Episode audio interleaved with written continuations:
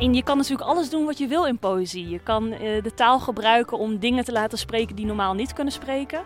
En bij straatpoëzie werkt dat extra goed, omdat de tekst ook hier natuurlijk te lezen is. Dus wij staan hier voor het gebouw en het gebouw lijkt tegen ons te spreken.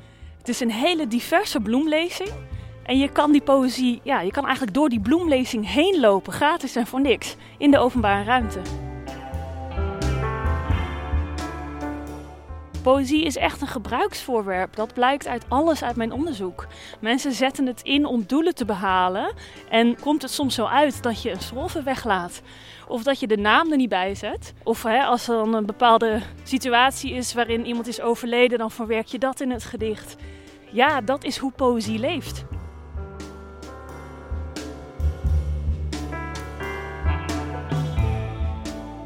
Welkom bij de podcast van de Vereniging Oud-Utrecht. Interviews met Utrechtse historici over hun fascinatie voor de geschiedenis van de stad. Samenstelling Arjan den Boer.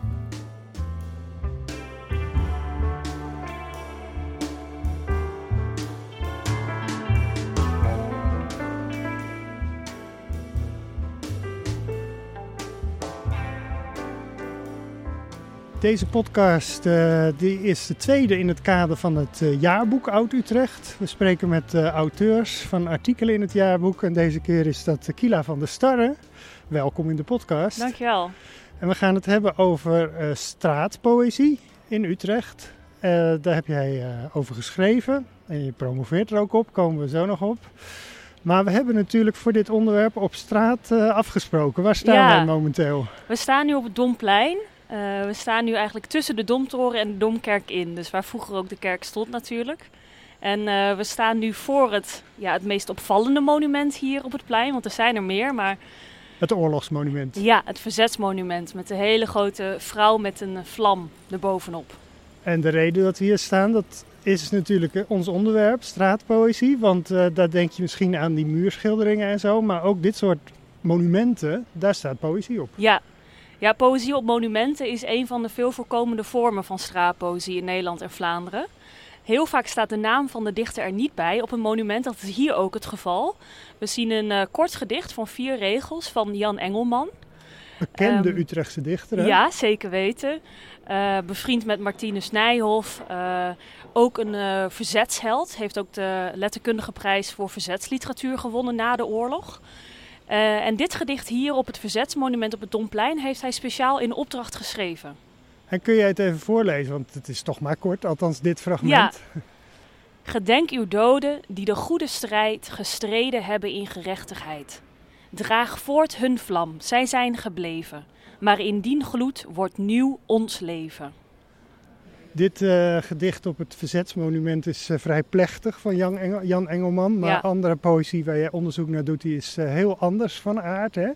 Want de titel van jouw proefschrift die luidt Poëzie buiten het boek. En als ik het goed heb, dan is het proefschrift al af, maar de promotie moet nog komen. Ja, klopt. Het proefschrift is goedgekeurd, dus daar ben ik ontzettend blij mee. En ik ga het verdedigen in februari. Uh, dus daarna zal ik echt dokter zijn. Dus ik zit nu een beetje in zo'n tussenperiode. Uh, maar straatpoëzie is een van de zes casussen in mijn proefschrift. En alle casussen zijn poëzie buiten het boek. Ja, en waar moet ik dan naast straatpoëzie nog aan denken? Dan kan je denken aan Instagram-poëzie, dus uh, poëzie op social media. Maar ook bijvoorbeeld aan poëzie-tatoeages op het lichaam. Die zijn er ook, ja? Ja, nou, ik heb daar uh, ik heb veel enquêteonderzoek gedaan, onder andere. En ik heb 90 respondenten gevonden in Nederland en Vlaanderen met poëzie op hun lichaam getatoeëerd. Een heel interessant hoofdstuk vind ik dat. Daar ging echt een wereld voor mij open. Uh, en ook de manieren waarop poëzie zoveel kan betekenen voor ja, in het alledaagse leven van mensen. Om herinneringen vast te houden, om emoties te uiten. Uh, eigenlijk komt dat telkens terug in mijn casus hoofdstukken. En nou even onbeleefde vraag, heb je zelf ook een poëzie-tatoeage? nee, nee, dat heb ik niet. Ik heb geen tatoeages. Uh, dus ook die hele geschiedenis en die cultuur van tatoeages was uh, heel interessant en nieuw voor mij.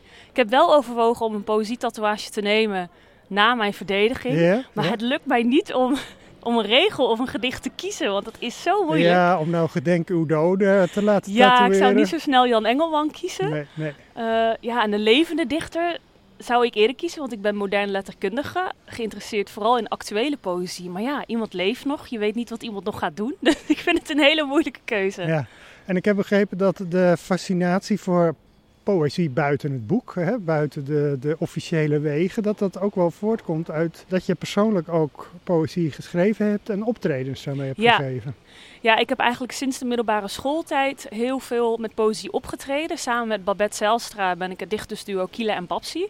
En we hebben vroeger vooral in de poetry slam scene veel gedaan. Dus eh, optredens op podia in een wedstrijdvorm, waar performance heel erg op de voorgrond staat. Met heel veel plezier hebben we dat gedaan. En in eigen beheer hebben we ook een bundel uitgegeven, stereo. Maar ik was ook op, eh, op andere vlakken zelf veel met poëzie bezig. Dus ik keek veel, luisterde veel naar poëzie op YouTube, eh, op social media poëzie op objecten. Ik heb heel veel plintposters en plintkussenslopen thuis. Ja, ja. En ik merkte dat er een heel groot verschil was tussen de manier waarop ik buiten de muren van de universiteit met poëzie bezig was. En de manier waarop er binnen de muren van de universiteit over poëzie gesproken werd dat is in mijn allemaal colleges. heel serieus en elitair, om het maar zo te noemen. Ja, nou, het is in ieder geval altijd in schriftelijke vorm. In ieder geval in mijn tijd. Het is wel aan het veranderen de afgelopen jaren in de opleidingen. Eh, en de nadruk lag bijna altijd op complexiteit, ambiguïteit en een soort ja, structuralistische analyse van close reading. Ja. Wat heel gebruikelijk Voor is. buitenstaanders gelijk al een enorme berg moeilijke woorden, maar dat geeft precies aan wat je wil zeggen, ja, denk ik. ja. En eh, weinig over de context van een gedicht. Weinig, over, eh, weinig tot niets over de ervaringen van lezers en luisteraars die geen wetenschappers zijn. Weinig over hele toegankelijke poëzie bijvoorbeeld. Ehm, en het begon mij te fascineren dat bijvoorbeeld de Nacht van de Poëzie ieder jaar in Utrecht uitverkocht is. Hè? 2000 mensen komen zes uur lang s'nachts naar poëzie luisteren. En toch wordt er over poëzie gesproken als een niche. Ja. Eh, en als een, ja, een elite genre. Kijk ook naar spoken word, naar poetry slam, naar rap. Dat zijn hele grote genres. En die kloof, dat begon mij heel erg te interesseren toen ik mijn master deed. Jij geeft ook af en toe al straatpoëzie wandelingen, heb ik Ja. begrepen. Zullen wij ook eh, gaan wandelen? Ja, laten we dat doen. Eh, het plan is geloof ik een beetje om via de Oude Gracht eh, richting Nicolaaskerkhof te lopen, die richting op. Ja. en geef je die voor groepen? Ja, ik, eh, voor corona organiseerde ik straatpoëzie wandelingen en ook fietstochten in samenwerking met de Utrechtse Boekenbar. Oh ja, Eh, dat deed ik met ontzettend veel plezier, altijd op zondagen. Dan nam ik een groep mee, een groep vreemden, die zich inschreven. En dat was een grote mix van eh, geïnteresseerden. En dan nam ik ze mee langs gedichten zoals wij dat nu ook doen. Ja. En dan vertelde ik van alles over het fenomeen en over de specifieke gedichten en de Utrechtse context. En dan gingen we altijd even koffie drinken bij de Utrechtse boekenbar bij Tim van de Hoed. En dan gingen we daarna weer verder wandelen. ja nou dat koffiedrinken kunnen we nu niet echt Nee. doen. Dit Nou. is trouwens eh, een beetje een confronterende plek voor mij. Vertel. Want dit is mijn kantoor. Oh, dit eh, ja. witte gebouw naast het Ja, wat academiegebouw. via de trans eh, toegankelijk Ja. is, Nederlands. Hè? Dus mijn kamer zit hierboven op zolder. Bij moderne Nederlands letterkunde. Maar ik ben hier dus al maanden niet geweest. Oh ja, thuiswerken, een en al. Ja, maar de promotie zal wel hier in het academiegebouw plaatsvinden. Gewoon. Hoogstwaarschijnlijk. eh, Geen op dit moment nog wel. Ja, dat, hoop, dat zou mijn nachtmerrie zijn dat het 100% online zou moeten zijn. Op dit moment gaat het wel, is het nog gepland in de senaatzaal, maar mag er niemand in de zaal zijn behalve mijn partner en mijn ouders. Zo, dat is Dus dat vind ik al Ja. heel jammer. Alle commissieleden gaan ook online hun vraag stellen. Maar als ik maar in die zaal mag staan, dan ben Precies, ik blij. tussen al die eh, portretten hè, van Precies. veel mannen en een enkele vrouw. Ja, er eh. zijn wat vrouwen toegevoegd, eh, gelukkig. Ehm, We misschien- zouden even hier naar de pauze kunnen Ja, gaan. dat is prima, misschien wel een prima. leuke. Daar is natuurlijk ook ongetwijfeld een poëzieregel Ja, te vinden. Ja een, hele, een hele strofe zelfs. Ja, misschien dat we het voor bij de pauze arriveren nog eventjes over die Instagram-poëzie kunnen Ja. hebben. Want dat is wel intrigerend. ik wist niet dat dat een bepaalde scene was op Instagram. Maar dat- Het is ongelooflijk. Dus Ja? Instagram is een, een fotodeelapplicatie. Ja. In 2010 gelanceerd. Is natuurlijk een heel visueel medium. Hè. Het is, ja, eh, je kent het allemaal van de heel erg geposeerde en gestileerde plaatjes met filters van en zo. modellen en eten en katten. Ja, ja, precies. Maar het is dus ook het medium voor poëzie aan het begin van de 21ste eeuw. Voor vooral jonge mensen. Dus er zijn eh, dichters die hun gedichten dus als, ja, als kleine plaatjes, als vierkante eh, visuele ja, vattingen van tekst eh, presenteren. Eh, en daar ongelooflijk veel volgers en dus lezers mee verzamelen. En vervolgens ook poëziebundels uitgeven met die poëzie, die ongelooflijk goed verkopen. Zij brengen dus het genre echt ook in boekvorm heel erg omhoog. En dat is heel interessant, omdat al die poëzie natuurlijk gratis op Instagram al stond. En toch, toch willen mensen een papieren, ja, ze willen een papieren boek hebben. En dat is heel interessant voor mij als literatuurwetenschapper. Precies, want uh, wat is dan de toegevoegde waarde voor hen van het, van het papier nog, hè, voor deze ja. generatie? Voor dichters is het vrij goed te verklaren, omdat, omdat boeken natuurlijk een manier zijn om geld te verdienen. Want Instagram is helemaal gratis. Ja. Um, maar het heeft ook met wat wij dan noemen symbolisch kapitaal te maken. Dus je kan met boeken kan je prijzen winnen. Je kan opgenomen worden in een kanon, in de literatuurgeschiedenisboeken. Voor de lezers is het een hebbeding. Iets om op de keukentafel te leggen, of ik bedoel de koffietafel. Iets om in je boekenkast te zetten, iets om vast te houden, iets om te ruiken. Hè? Dat hele materialiteit van boeken blijft dus belangrijk. Dus toch wat de oude bibliofielen zeggen, dat geldt toch ook voor de Instagram generatie Geldt nog steeds. En als we kijken naar hipsters, een beetje zo die millennial generatie, waar ik zelf ook toe behoor. Ja, die ook weer grammofoonplaten willen hebben. LP's, cassettebandjes, eigenlijk weer terug naar oude media. En Instagram is gebaseerd op Polaroid-foto's. Daar is die hele app op gebaseerd. Wat heel veel Instagram-dichters gebruiken is typemachines. Echte typemachines, waar ze dan weer een foto van maken. Dus, dus in mijn... hun gedicht uit op een oude typemachine. En dan zetten ze met de hand, van... zetten ze dan hun handtekening bijvoorbeeld erbij. Ja. Dus er zitten allemaal vintage media in, waar authenticiteit en onmiddellijkheid heel belangrijk is. Daar schrijf ik dan van alles over in mijn proefschrift. Ja, ja. ik zag ook... Uh dat er in Utrecht een uh, Instagram-account is, Straathaiku. Ja, dat is een heel Utrechts fenomeen, straathaiku. Het is een anonieme dichter, ik noem het ook wel graffiti-dichters. Die dus ook zonder toestemming ja, eigenlijk op plekken uh, gedichten schrijven uh, waar dat niet mag. Op, op muren? Muren. Betonblokken? Ja, schuttingen. En straathaiku schrijft dus altijd haiku, de oude Japanse versvorm. Ja, wat is dat ook weer? Vier regeltjes of drie? Of... Ja, wat is het? Uh, het is drie regels met vijf lettergrepen, zeven lettergrepen, vijf lettergrepen. Ja. En deze dichter koos dan vaak thematiek uit wat heel erg met die locatie te maken had. Of met het weer, en dat is heel typisch voor die oude versvorm van de haiku. Um, maar het is een anonieme dichter. Dus jij weet ook niet wie erachter zit? Nee, ik, uh, die persoon had ook een Facebook-account. En ik heb wel eens contact gezocht via Facebook-chat. Van, oh wat interessant. En ik doe daar onderzoek naar. Wie ben jij? Nou, dat wilde die persoon niet zeggen. Maar die persoon antwoordde mij enkel in haiku-vorm via de chat. En dat vond ik natuurlijk fantastisch. dus het mysterie werd alleen maar groter. Maar de, de vraag is of jij toen weer in haiku-vorm terug hebt geantwoord. nee, dat heb ik niet gedaan. Sommige mensen denken dat ik het ben, maar ik ben het echt niet. oh, nu wordt het interessant. Ja. Oké. Ik denk zelf dat het een vrouw is, om, puur op basis van het handschrift. Uh, maar ik weet niet wie het is. En die persoon heeft uh, precies een jaar lang straathaiku in heel Utrecht geplaatst. En is daarna bijna op de dag uh, gestopt alle social media accounts weer weggehaald. En toen was ik heel blij dat op de website straatpoëzie.nl wel bijna al die haiku's zijn verzameld. Dus dat is de plek waarop dat nu alleen nog te zien is. En, en op straat natuurlijk. Waar het nog niet overschilderd is. Nee, en sommige zijn weggehaald op straat omdat het bijvoorbeeld schuttingen waren of bij, veel bij, rond de bouwwerkzaamheden. Maar ik heb die website straatpoëzie.nl zelf ook opgericht met het idee om de straatgedichten te archiveren. Ja, nee, heel goed dat je die website noemt, uh, waarop je al deze gedichten die wij nu ook uh, noemen tegen kunt komen, maar door heel Nederland. Hè? En Vlaanderen, en Vlaanderen. En, en die heb je niet allemaal zelf verzameld. Nee, nee dat, dat wilde ik wel doen, maar dat kost natuurlijk heel veel tijd. Want vaak is het nergens anders te vinden dan in de openbare ruimte. Nee, het is een uh, crowdsourcing website. Dus dat houdt in dat ik gekozen heb voor een vorm waarbij iedereen kennis kan delen.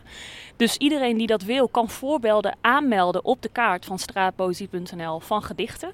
Een foto met je telefoon gemaakt, wat informatie, maar vooral de locatie. Uh, en ondertussen, ik heb de website in 2017 gelanceerd, zijn er meer dan 2600 gedichten aangemeld. Dus dat is een enorm waardevolle inventarisatie ja, en uh, van het dat, fenomeen. Zegt dat ook iets over het aantal? Is dit nu wat je denkt, bijvoorbeeld de helft of misschien wel compleet van al de straatpoëzie? Het is dus zo moeilijk te zeggen, want het is een soort wildgroei aan poëzie. Het is, het is nog nooit eerder geïnventariseerd en er zit eigenlijk ook geen structuur in. Eh, ja, het, het kan natuurlijk door iedereen geïnitieerd worden. Um, en de methodologie van straatpoëzie.nl zorgt er ook voor dat bijvoorbeeld gedichten in centra van steden, waar heel veel mensen komen, natuurlijk veel sneller worden aangemeld dan bijvoorbeeld gedichten in dorpen of in natuurgebieden. Ja. Uh, dus ik denk, ik denk, ik vermoed dat we er bijna zijn. Maar ja, er kan vandaag natuurlijk ook weer tien gedichten bijgekomen zijn. Dat weet ik dan nog niet. Nee. Uh, ik uh, zag ook dat uh, Utrecht er op de kaart van straatpoëzie.nl uitspringt. Ja. Daar zijn meer dan 200 gedichten. Klopt. Of in de provincie in zelfs de provincie, 250. Ja. Hoe komt het, denk je, dat er in Utrecht zoveel straatpoëzie is? En nou, ik denk dat het komt omdat Utrecht een grote stad is. Het is echt ook een literaire stad. Utrecht is natuurlijk sinds een paar jaar City of Literature en niet voor niks. Er wonen hier heel veel auteurs. Er zijn hier heel veel literaire initiatieven. Um, er zijn trouwens ook heel veel straatgedichten te vinden in bijvoorbeeld Antwerpen en in Leiden. En Leiden is, uh, doet dat al sinds de jaren negentig gestructureerd. Dus dat is wel echt misschien de straatpoëzie hoofdstad van de Lage Landen. Maar in Utrecht, uh, ja, we hebben natuurlijk een stadsdichterschilde met verschillende dichters die over de stad schrijven. En ik denk ook wel, misschien doordat ik zelf een Utrechtse wetenschapper ben, dat het hier iets meer in de regionale media is geweest. Aandacht voor straatpoëzie.nl. Ja. ja, het leeft hier. dit is een recente toevoeging. Hè? We zijn bij Paushuizen aan de Pausdam, waar een beeld van de paus uh, Adrianus heette die, geloof ik. Ja, hè? Adrianus de zesde. maar er ligt hier nu heel oneerbiedig ligt er een hoop zandhalm. ja, dit heb ik nog niet eerder gezien. Er ligt dus, ja, ik weet niet eens waar dit zand vandaan komt, maar het ligt half op het gedicht. Um, boven het gedicht hangt trouwens mijn lievelingsbordje in heel Utrecht. Oh, het is een rood bordje en daar staat op in hoofdletters: Op dit gedicht geen fietsen plaatsen, dank u. En dan daaronder Utrecht Stadsdichter schilder, want zij hebben dit, uh, deze strofe hier geplaatst. Ik kan me voorstellen dat je dit voor op je proefschrift wilt zetten. ja, en het mooie is natuurlijk dat er heel vaak wel een fiets op staat. Maar nu geen fiets, maar zand. Ja. Uh, kun je toch uh, kort zeggen waar het over gaat, spreekt voor zich, hè? Ja, het gaat over de paus. De paus wordt in het gedicht aangesproken zelfs. Dus we hebben hier te maken met een lyrische aanspreking. En heel vaak als je in de poëzie iets of iemand aanspreekt, dan wek je dat ding of die persoon een beetje tot leven. Want, het begint met jou en dat gaat over Adrianus. Ja, Adrianus wordt aangesproken, dus eeuwen geleden, 16e eeuw. En toch wordt eigenlijk die historische figuur tot leven gebracht. En hier uh, links van, het, van de strofe zien we ook het beeld van uh, de paus. Het is een gedicht van Els van Stalborg. Uh, zij is lid van het Utrecht Stadsdichterschilde, want we hebben een heel gilde in Utrecht, niet één stadsdichter. En zij heeft het gedicht geschreven over de paus. En het is hier in 2017 op de grond in een heel mooi natuurstenen plaat aangebracht ziet het er nu bijna niet aan af, hè? Hoe mooi de plaat is. Kun je misschien de eerste regels, of zolang als jou goed dunkt, uh, voorlezen? Ja, ik zal het slot van de strofe voorlezen. Je kon niet weten dat jouw strijd nog alle wilderige tongen splijt en Utrecht jou niet is vergeten. Nou, dat is mooi en dat klopt, want iedereen noemt het nog Paushuizen natuurlijk. Hè? Ja, precies. En uh, dit is natuurlijk ook Pausdam. Ja. En dit is de eerste en enige Nederlandse paus die ooit heeft bestaan. Heel kort. Uh, korter dan anderhalf jaar. En hij is hoogstwaarschijnlijk vergiftigd. Dus er zit ook nog een heel spannend verhaal aan vast. Zullen wij onze wandeling vervolgen? Ja, ik vind hier links uh, een hele mooie. Dat is een groot muurgedicht van Dirkje Kuik. Gaan we daar uh, op weg heen.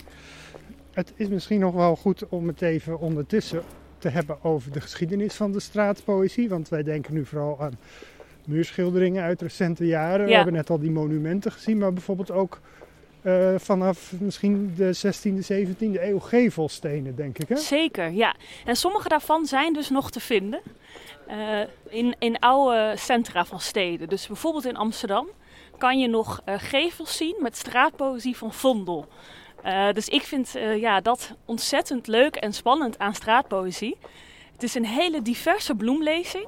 En je kan die poëzie, ja, je kan eigenlijk door die bloemlezing heen lopen, gratis en voor niks, in de openbare ruimte. Het is een dichtbundel, een verzamelbundel waar je doorheen kan lopen. Ja, zo zie ik het wel een beetje.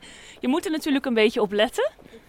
Uh, en natuurlijk, niet alle teksten die je tegenkomt is poëzie, zijn poëzie. Uh, maar dat soort pareltjes van Vondel of van uh, stadsdichters of regiodichters, ja, dat kan echt een cadeautje zijn als je tegenkomt. Ja, en het is niet iets van de laatste decennia van meer uit de populaire cultuur om het op straat te gaan brengen. Straatpoëzie bestaat al eeuwen, maar het is inderdaad wel zo dat het een beetje sinds de millenniumwisseling een enorme boost heeft gekregen.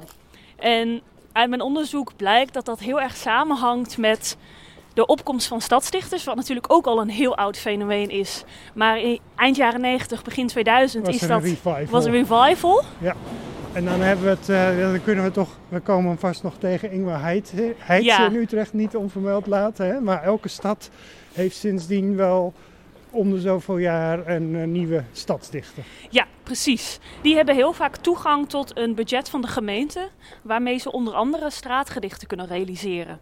En daar is ook dat stadsdichtersgilde in Utrecht uit ontstaan. Ja, precies. En die, eh, die hebben, ja, dat zijn verschillende leden en die hebben heel veel straatgedichten in Utrecht op hun naam staan. We zijn eh, bijna bij eh, de Oude Kamp. Hè? Dat is het Ja. zijstraatje van de Herenstraat, geloof ik, waar ja, we nu klopt. lopen.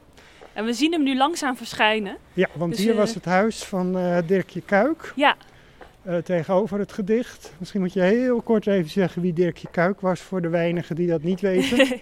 Dirkje Kuik was een dichter, eh, schrijver, maar ook beeldend kunstenaar. Ze was dus een dubbel kunstenaar. En wat we hier op de muur zien staan is een gedicht van haar en links daarvan ook een illustratie van haar hand. En rechts van het gedicht staat haar handtekening. En zij woonde hier schuin tegenover. Eh, na haar overlijden is het ook kort een museum geweest over haar leven en werk. ja, Eh, maar is, helaas is het eh, heeft het gesloten. niet gered. Maar het gedicht is blijven bestaan. En misschien ook nog interessant voor wie het niet weet. Ze was ook een van de eerste transseksuelen van Nederland. Of dat weet ik eigenlijk niet. Maar in ieder geval in een tijd Ja. dat dat nog niet zo gangbaar eh, was. Een van de eerste bekende, in ieder geval transgender dichters eh, Ja. die ik ken in het Nederlands taalgebied. Geboren als William en eh, eind jaren 70 een operatie ondergaan in Londen en daarna als Dirkje door het leven gegaan. Ik zou zeggen, lees wat voor van dit gedicht. Ja, eh, we hebben weer met een aanspreking te maken, net als bij dat gedicht aan de paus. En hier wordt Jo aangesproken. En in het echt was Jo Nijenhuis ook de levenspartner van Dirkje Kuik. Dus grote kans dat we hier met een autobiografisch element te maken hebben. Het museum Jo, weet je nog? Kleine vriendelijke doffer, wie weet. Alle schilderkunst sloegen we over, behalve Sinte Cecilia en de graflegging. Ons heer in zijn glazen kastje schilder de meester van Pinters korrel, zegt men. Zeer beschadigd waren we, dronken van vreugde en wijn, venijn van de kunst, een gunst, zomaar gegeven, drie gulden aangeschoten doffer, weet je nog, de toegang? Het is een heel meanderend gedicht, hè? heel veel komma's. Het is wel inhoudelijk te volgen, maar het, zijn, ja, het is grammaticaal wel heel erg opsommend. En wat ik zo mooi vind aan dit gedicht is dat die, die, die dronkenschap, dat aangeschoten zijn, dat zie ik ook in de vorm terug. Ja, ja. Dus een beetje zo herinneringen ophalen, zo mompelend, associërend met een geliefde.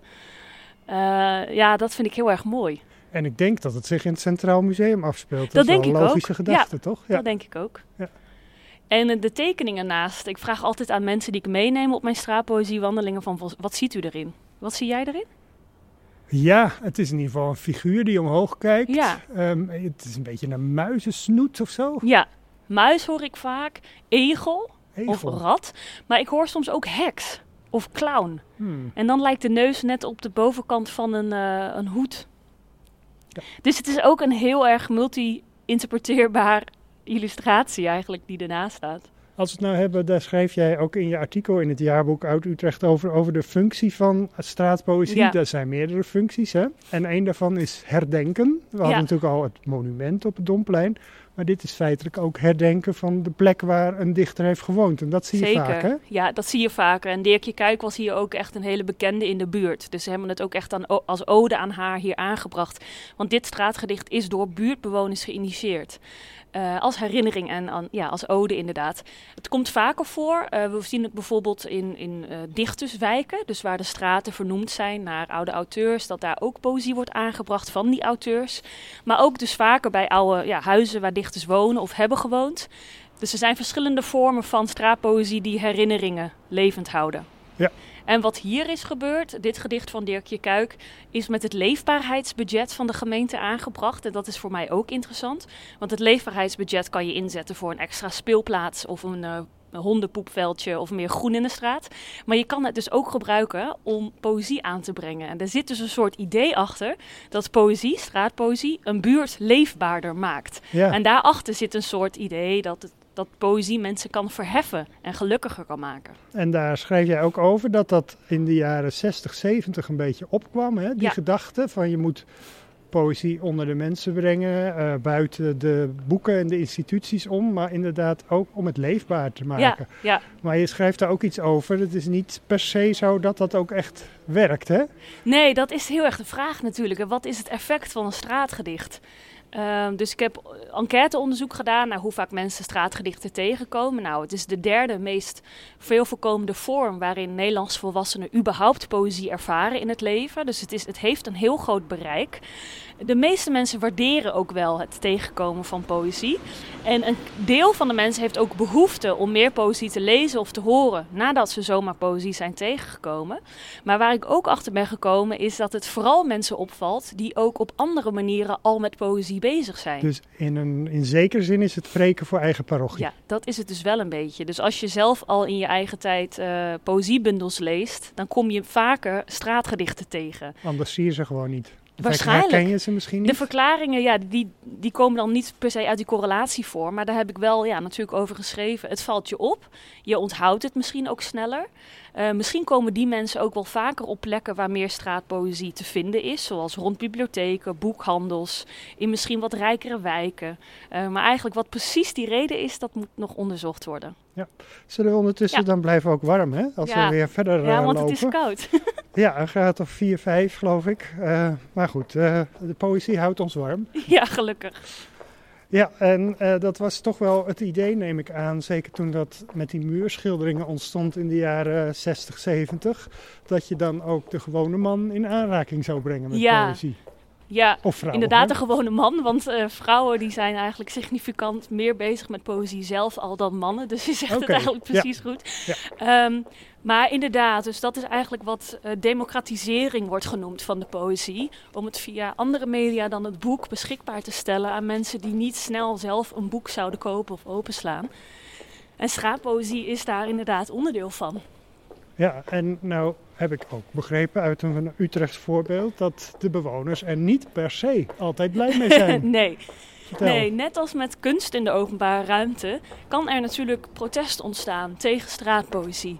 Die casussen zijn voor mij interessant. Van wat staat die mensen dan precies tegen?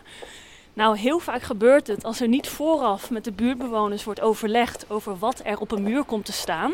Ja. Zullen we zo gaan? Gewoon rechtdoor, hè? Ja. richting Oudegracht. In Amsterdam is er een bekend voorbeeld. Dat is een heel groot muurgedicht. Dat heet Aan een roosje van Jacob van Lennep. In de Jacob van Lennepstraat. Ehm, dat is met Europees geld aangebracht. Dat is ja, gigantisch groot. Eh, de tekst van het gedicht gecombineerd met een muurschildering. Ja, En die illustratie is een heel groot halfnaakte vrouw. En het gedicht zelf is een soort soft erotische ja, eh, ode aan een jong meisjeslichaam. Nou, allebei die keuzes dat En eh daar kan ik zelf nog wel controverse inkomen, eh, ja. teweeg. Ja. schoten bij sommige buurtbewoners in het verkeerde keelgat. Maar er is ook hier een Utrechts voorbeeld. Ik heb de straatnaam opgeschreven. Ja. Met die, nou ja, jij weet het uit je hoofd Ja. misschien. Die gele, gele muurschildering. Ja, hè? het zijn twee straatge- eh, muurgedichten in inderdaad felgele verf. Maar het is bij de Witte Het Vrouwensingel, is in de Witte? Vrouwenbuurt inderdaad. Staalstraat heb ik opgeschreven. ja. Dus een zijstraat van de, van de Singel. Klopt. Eh, en daar zo bij de Beeldstraat inderdaad. Ja. En eh, ook niet goed overleg met de buurtbewoners. Sommige buurtbewoners kijken er direct op uit. Het is nogal een felle kleur. Een van de gedichten gaat over dat het zomer is. En sommige mensen hebben gezegd, ja, het is niet altijd zomer. En ik hoef niet altijd dezelfde tekst te zien. En het doet pijn aan mijn ogen, die kleur. Ja, Eh, sommige mensen zeggen ook, ik vind het geen mooi gedicht. ja, dat kan natuurlijk ook. Ja. Ja, en eh, heel soms word ik gecontacteerd door verenigingen of gemeentes die eh, advies willen over straatpoëzie. Nu weet ik natuurlijk niet veel over de praktische uitvoering van verf, et cetera, maar wel over bijna alle andere aspecten. En dan raad ik ze ook aan, overleg met de buurtbewoners. Ja, laat vooraf, ze zelfs vooraf, Ja. laat ze zelfs meebeslissen, laat ze kiezen. Gaan een gesprek aan over hun lie lievelingsgedichten. Uh, dan wordt het echt een, uh, een straatgedicht voor de hele buurt. Ja. Nou, het grappige is, um, als er een straatgedicht staat waar iedereen tevreden mee is, dan hoor je er natuurlijk niet veel mensen over. Soms komt het voor. We kunnen wel zo gaan. We Soms, zijn op de Oude Gracht inmiddels. Hè? Ja. Soms komt het voor dat een straatgedicht per ongeluk wordt weggehaald. En dat gebeurt vaker dan je zou verwachten. Dus uh, schilders die de opdracht krijgen om een pand op te knappen en dan denken, nou, dan maar eroverheen en het uh, gedicht oh, weghalen. Ja, dat gebeurt met kunst natuurlijk ook wel eens. En dan krijg je dus soms reacties van mensen. Hé, hey, komt ons gedicht nog terug? Uh, we willen dat wel behouden in de buurt. Dat zijn momenten waarop je hoort hoe straatpoëzie wordt gewaardeerd. Inmiddels zijn we op de Oude Gracht aangeland bij de Doopsgezinde Kerk, een voormalige schuilkerk. Ja. En ik zei al, we kunnen niet om Ingmar Heitse heen, hè? ja, en hier is hij. Hier is hij. Uh, vertel, wat zien we hier? Een tweeluik. Ja, we zien hier dus, nou, het ziet er natuurlijk uit als een normaal gebouw. En stiekem is het van binnen een kerk. Dus dat is natuurlijk al een hele mooie en interessante locatie om een straatgedicht op aan te brengen. Het is een gedicht van Ingmar Heitse dat hij speciaal voor deze locatie heeft geschreven. Voor het 375-jarig bestaan van deze kerk. En uh, het gedicht heet De Schelkerk Spreekt bestaat uit twee strofes die ook genummerd zijn. En de ene staat, hangt links van de ingang en de andere hangt rechts. En uh, lees jij de linker voor? Ja, dat is goed. De schuilkerk spreekt. 1. Hier staat een huis waarin een kerk verscheen. Het huis schijnt er nog steeds doorheen. De kern gaat schuil achter de dingen. Loop de hal door, zoek de zaal. Besef bij elke stap: niets van mijn vrijheid spreekt vanzelf. Iets van dit mysterie hoort te blijven.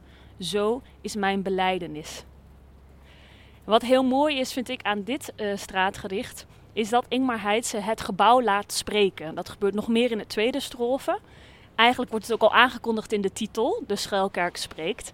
En dit is een stelfiguur die veel straatdichters hanteren. Om de plek zelf iets te laten zeggen. Om de materiële drager van het gedicht een stem te geven. En je kan natuurlijk alles doen wat je wil in poëzie. Je kan uh, de taal gebruiken om dingen te laten spreken die normaal niet kunnen spreken. En bij straatpoëzie werkt dat extra goed, omdat de tekst ook hier natuurlijk te lezen is. Dus wij ja. staan hier voor het gebouw en het gebouw lijkt tegen ons te spreken. En dan heeft het wel als voorwaarde dat het er speciaal voor geschreven is. Want er worden natuurlijk ook vaak uh, dichtregels of zelfs proza-regels uit hun context gehaald en als straatpoëzie gebruikt. Ja, ja, dat klopt. En dat gebeurt uh, vaak als het gedicht al geschreven was over een bepaalde locatie of een bepaald deel van de geschiedenis. Uh, maar soms wordt er ook willekeurig, eigenlijk vanuit esthetische overwegingen, een gedicht gekozen. Maar je hebt helemaal gelijk, dit soort speciale stelfiguren waarin het gebouw lijkt te spreken, dat gebeurt vooral als de dichter in opdracht heeft geschreven. In Amsterdam is er ook bijvoorbeeld een flatgebouw aan de Panamalaan. En daar heeft Gerrit Kouwenaar ook een gedicht geschreven waardoor het uh, flatgebouw lijkt te spreken, speciaal voor die plek. Nou, je noemde net een flatgebouw. Um, we zijn nu natuurlijk op wandeling in het centrum van Utrecht. Ja. Logisch, maar ook een beetje jammer voor de andere wijken. Hoe is de verdeling eigenlijk? Zijn er in uh, wijken als Kanalen, Eiland, Overvecht, zijn daar, is daar ook straatpoëzie? Ja, er is ook straatpoëzie uh, in buitenwijken. Er is wel vooral veel poëzie in het centra van steden. Omdat het ook wel vaak de plek is waar monumenten bijvoorbeeld staan en waar stadsdichters een plek krijgen. In Utrecht is er in Kanaleneiland een heel bijzonder, heel groot gedicht.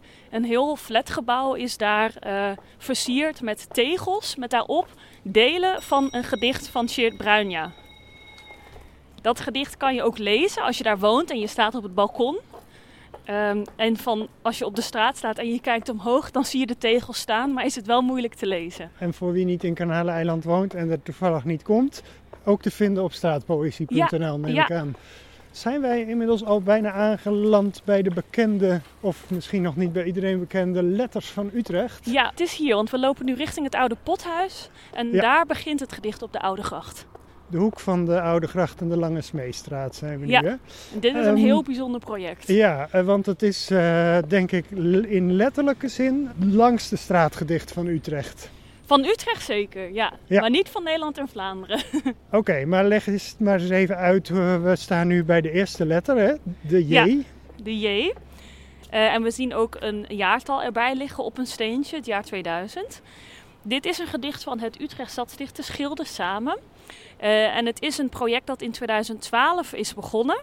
Waarbij iedere week één letter of leesteken wordt bijgeplaatst. In de bestrating, hè? In dat de eh, moeten we er wel even duidelijk bij zeggen voor wie het niet kent.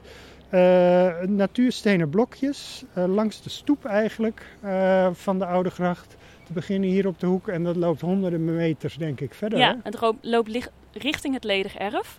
En in 2012 hebben ze de letters, de woorden al teruggelegd tot het jaar 2000 zodat er een beginnetje lag. Oh, met terugwerkende kracht? Ja, met terugwerkende kracht. Want anders zou het heel lang duren voordat er uh, überhaupt een zin zou staan. Ja. En nu is het dus nog steeds zo dat iedere zaterdagmiddag één letter of leesteken wordt bijgebuiteld. En niemand weet hoe het gedicht verder gaat, behalve de dichter die op dit moment aan het schrijven is.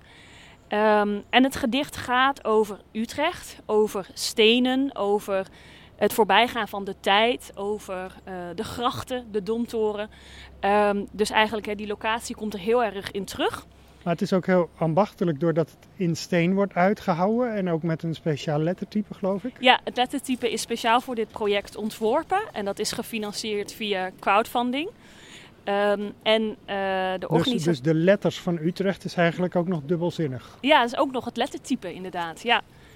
En het idee is, um, dit project valt onder een genre wat ook wel slow art wordt genoemd. Dus het is heel bewust een kunstwerk dat langzaam ontstaat. En het idee is ook dat het voor altijd zal blijven bestaan. Dus dat toekomstige generaties het gedicht blijven aanvullen. En uh, juist dit gedicht is eerlijk gezegd moeilijk te lezen. Hè? Je moet er echt moeite voor gaan doen uh, ben je wel even bezig om het te lezen. Kun jij het ons wat makkelijker maken? Want jij hebt het op een kaartje staan, toch? Ik heb het niet op een kaartje staan, omdat hij zo lang is. Oh, maar je kent het uit je hoofd? Nee, maar hij staat online. Juist. Dus ik kan hem wel even opzoeken. Iedereen kan hem ook online vinden. Dus als ja. je op de letters van Utrecht zoekt. Uh... Letters van Utrecht.nl. Ja. Um, eerste paar regels zijn geschreven door Ruben van Gogh en de tweede paar door Ingmar Heitse. Allebei van het Stadsdichterschilde, hè? Ja, je zult ergens moeten beginnen om het verleden een plaats te geven. Het heden doet er steeds minder toe. Hoe verder je bent, hoe beter. Ga maar door nu. Laat je sporen na. Vergeet de flits waarin je mag bestaan. De wereld is je stratenplan. Was er een tijd dat je een ander was, die ging voorbij. En zo gaat het nog een stuk verder. Ja, laten we daar uh, overheen gaan lopen. Even tussendoor, ja. achter ons, zien oh, we... Ja. Kijk, ik heb het nog niet eerder gezien. Het is dus volgens mij nieuw. We zien een stukje graffiti op de muur in de Lange Smeestraat. Laat de aarde weer leven. Dit is nou typisch zo'n voorbeeld dat iemand zou kunnen aanmelden als voorbeeld van straatpoëzie. En, en terwijl ik niet weet dit? wie de auteur is. Nee, maar beschouw jij het als poëzie? Eén zo'n losse zin? Um, ik ben heel pragmatisch in mijn definitie van poëzie. Dus alles wat als poëzie gepresenteerd wordt en als poëzie beschouwd wordt, is poëzie. En dat doe ik heel bewust, omdat ik zelf niet als literatuurwetenschapper van bovenaf wil zeggen wat wel en geen poëzie is. En als mensen dit soort teksten aanmelden op straatpoëzie.nl, dan weet ik dat in ieder geval iemand het als poëzie heeft beschouwd. En dan neem ik het gewoon mee in mijn database. Bij deze is nog wel interessant dat hij tussen dubbele aanhalingstekens staat. Ja, als een soort citaat. ja. ja. En ook nog een soort roze kleur, wat je ook niet vaak ziet, een beetje licht roze. Um, ik merk wel dat bijvoorbeeld wat aangemeld wordt op straatpoëzie.nl, 95% van die teksten, daar zouden we het allemaal over eens zijn dat het poëzie is. En dan is het dus nog een klein deel van dit soort graffiti-teksten. Maar ook bijvoorbeeld reclameslogans met eindrijm. Juist. Uh, loesje posters, hè, dus een beetje die, ja, ja. Die, post die posters met een soort prompt of iets, een statement. Uh, dus voor mij is het interessant om te zien, ja, waar ligt die grens eigenlijk maar van wat ook, poëzie uh, reclame, is. reclame, slagzinnen die rijmen of niet? Ja, ik accepteer alles wat mensen aanmelden als het maar dag en nacht gratis overal voor iedereen te lezen is. Ja.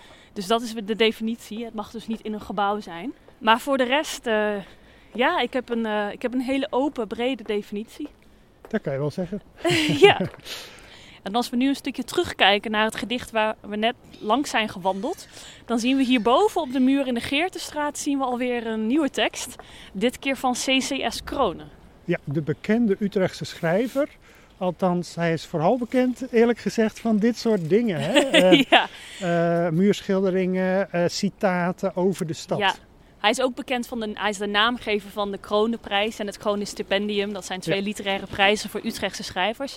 Maar hij is inderdaad vooral bekend misschien wel als straatdichter. Wat extra opvallend is, omdat hij geen woord poëzie heeft geschreven toen hij leefde. Hij heeft een korte leven gehad. Uh, hij schreef vooral novelles, dus korte romans. Dus alle citaten, en het zijn er volgens mij negen in Utrecht van hem in de openbare ruimte, zijn allemaal proza. Maar door de vormgeving, en dat zien we hier ook in de Geertestraat, lijkt het enorm op poëzie. En dat komt vooral door de regelafbrekingen. Precies, want uh, het, zijn hele, het is gemaakt tot hele korte regels zonder leestekens. Ja. En als ik jou zo hoor, dan was dat oorspronkelijk dus helemaal niet zo. Nee, nee het was gewoon een prozatekst. Met punten en al. Uh... Ja, ja, dus hier staat in de verte schetterde een fanfare. Er was weer feest in de Geertestraat natuurlijk heel duidelijk waarom dit citaat gekozen is, want het is dus aangebracht in de Geertestraat. Ja. Zijn bekendste citaat staat denk ik bij het station. Uh, en hoe verder hij ging, des te langer was zijn terugweg. Um, dat stond vroeger op een, het heeft gereisd eigenlijk rond het stationsgebied omdat er zoveel verbouwd is. Het heeft op drie verschillende plekken gestaan. Nu staat het naast de lift op het Jaarbeursplein. Uh, maar ook dat komt uit een prozatekst. En uh, wat vind je er nou van? Uh, je bent heel uh, liberaal in je opvattingen over literatuur, heb ik al door. Dus ongetwijfeld vind je het alleen maar mooi. Maar feitelijk wordt het zo'n zin van Kronen uit zijn context gehaald en er wordt iets mee gedaan met regelafbrekingen. Ja. Is dat eigenlijk wel netjes ten opzichte van de schrijver? nou, ik vind het. Uh, heel netjes als de naam van de auteur erbij staat. En dat is hier het geval. Er staan zelfs zijn jaartallen bij. Hè. Dus ja, als wetenschapper heb ik toch eh, hecht ik waarde aan bronvermelding. Ja. Um, maar hoe het vormgegeven is, ja, soms, hè, levende dichters vinden het soms vervelend als bijvoorbeeld de regelafbrekingen worden aangepast, of als er regels worden weggelaten, of als de titel wordt weggelaten, of als hun gedicht wordt gecentreerd, terwijl dat het niet was. En dat snap ik allemaal heel erg goed, want vormgeving heeft betekenis en geeft betekenis aan de tekst. Ja. Uh, wat er maar hiermee je wil eigenlijk zeggen, ja, Kroon is toch in 1951 overleden, zoals eronder staat. Hij kan toch niet meer protesteren? ja, zo werkt het niet, want het auteursrecht bestaat nog 70 jaar na het overlijden, tot 70 jaar na het overlijden van een auteur. Um, maar het veranderen van de vormgeving ja, kan soms heel mooi uitpakken. En hier is gekozen voor een soort handschrift, een sierlijk, bijna een soort kinderlijk handschrift. Uh, het is dus opgedeeld in vier regels en het is op het gebouw aangebracht. Het is een mooi wit gebouw met grote blokken steen. Die bijna fungeren, die lijnen als een soort lijnen in een schrift of in een dagboek. een schoolschrift. Ja. ja, schoolschrift. Dus hier, zit eigenlijk, hier wordt eigenlijk extra betekenis aangegeven als een soort notitie, een dagboeknotitie. Ja, mooi. Ja. Uh, en dat vind ik eigenlijk heel mooi werken hier. Ja, maar soms uh, begrijp ik nog even los van kronen van jou dat er wel uh, gedichten een beetje worden verkracht, om het zo maar te zeggen, doordat er foutjes worden gemaakt, bewust of onbewust? Ja, ja, er zijn extreme voorbeelden, bijvoorbeeld de poëzie van Ida Gerhard. Zij is overigens uh, de nummer één dichter op straatpoëzie.nl. Dus van haar zijn oh de meeste gedichten te vinden in de openbare ruimte van Nederland en Vlaanderen.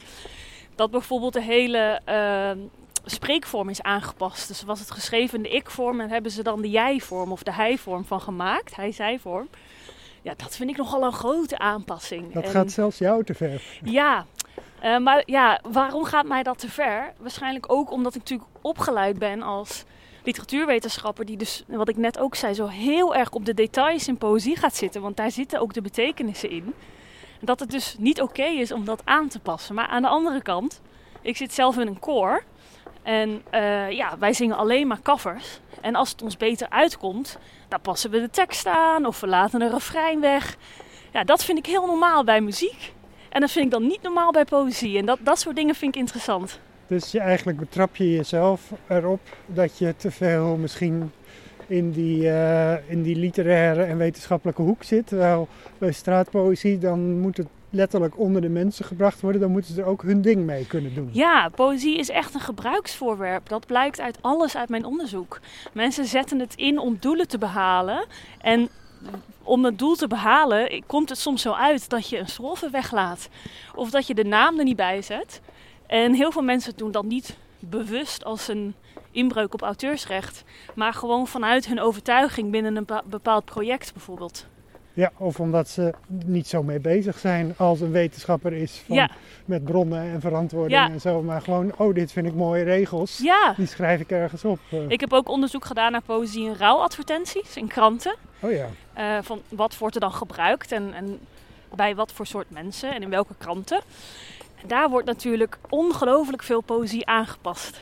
Gedichten van Nel Benschop en Toon Hermans, dat zijn de nummer 1 en 2 uh, rouwdichters die worden gebruikt in de, echt in de breedste zin van het woord. Dus dan zet je moeder of je verandert in, in vader. Juist. Uh, of hè, als er dan een bepaalde situatie is waarin iemand is overleden, dan verwerk je dat in het gedicht. En uh, ja, dat is hoe poëzie leeft.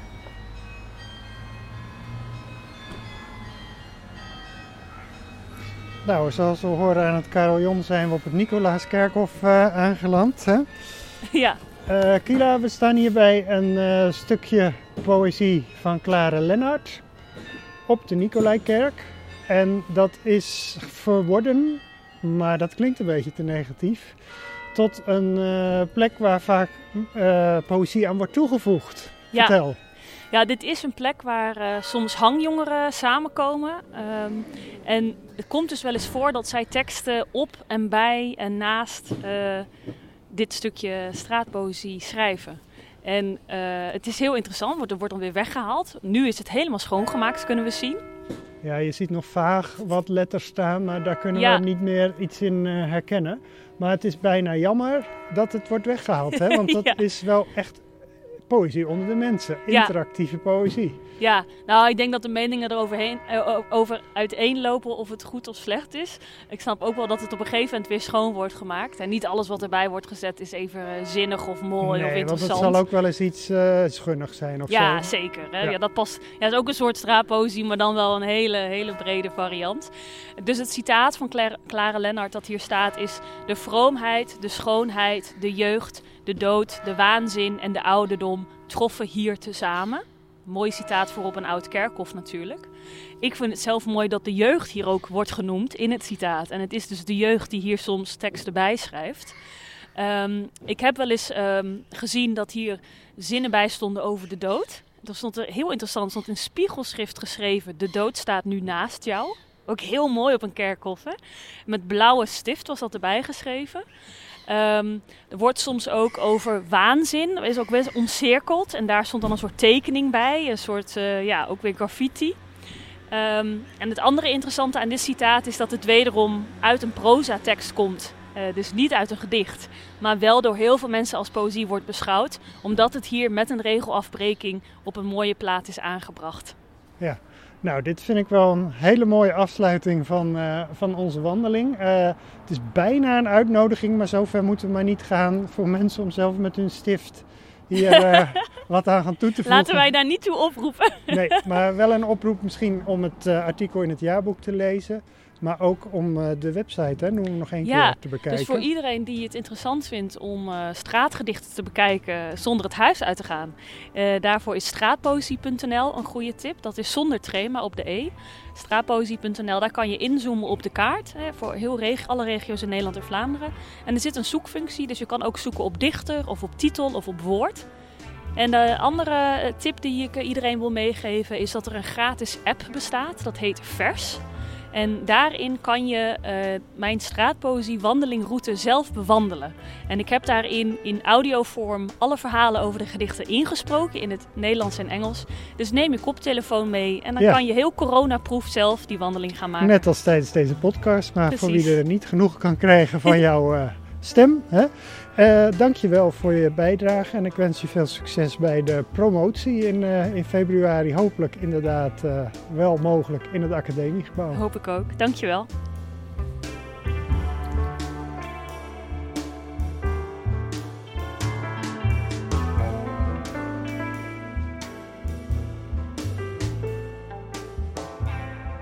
Je hebt geluisterd naar de historische podcast van de Vereniging Oud-Utrecht. Samenstelling Arjan den Boer. Meer afleveringen en abonneren via www.oud-utrecht.nl. Daar vind je ook onze agenda en andere publicaties.